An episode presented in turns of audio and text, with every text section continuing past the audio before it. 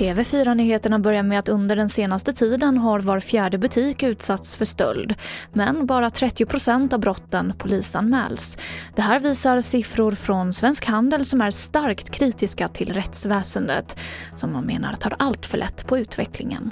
Vi kan inte fortsätta ha det så här. Så det är väldigt, väldigt bekymmersamt att vi ser de här siffrorna öka mätning efter mätning. Det sa Per Geijer som är säkerhetschef på Svensk Handel.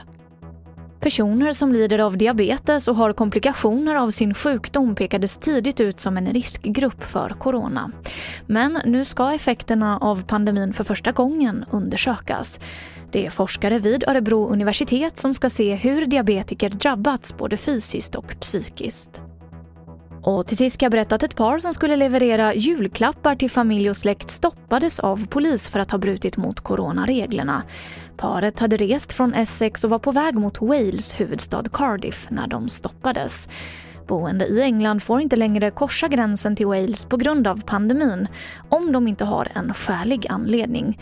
Och under det senaste dygnet så har polisen i Wales avvisat 110 fordon. Och det var det senaste från TV4 Nyheterna. Jag heter Emily Olsson.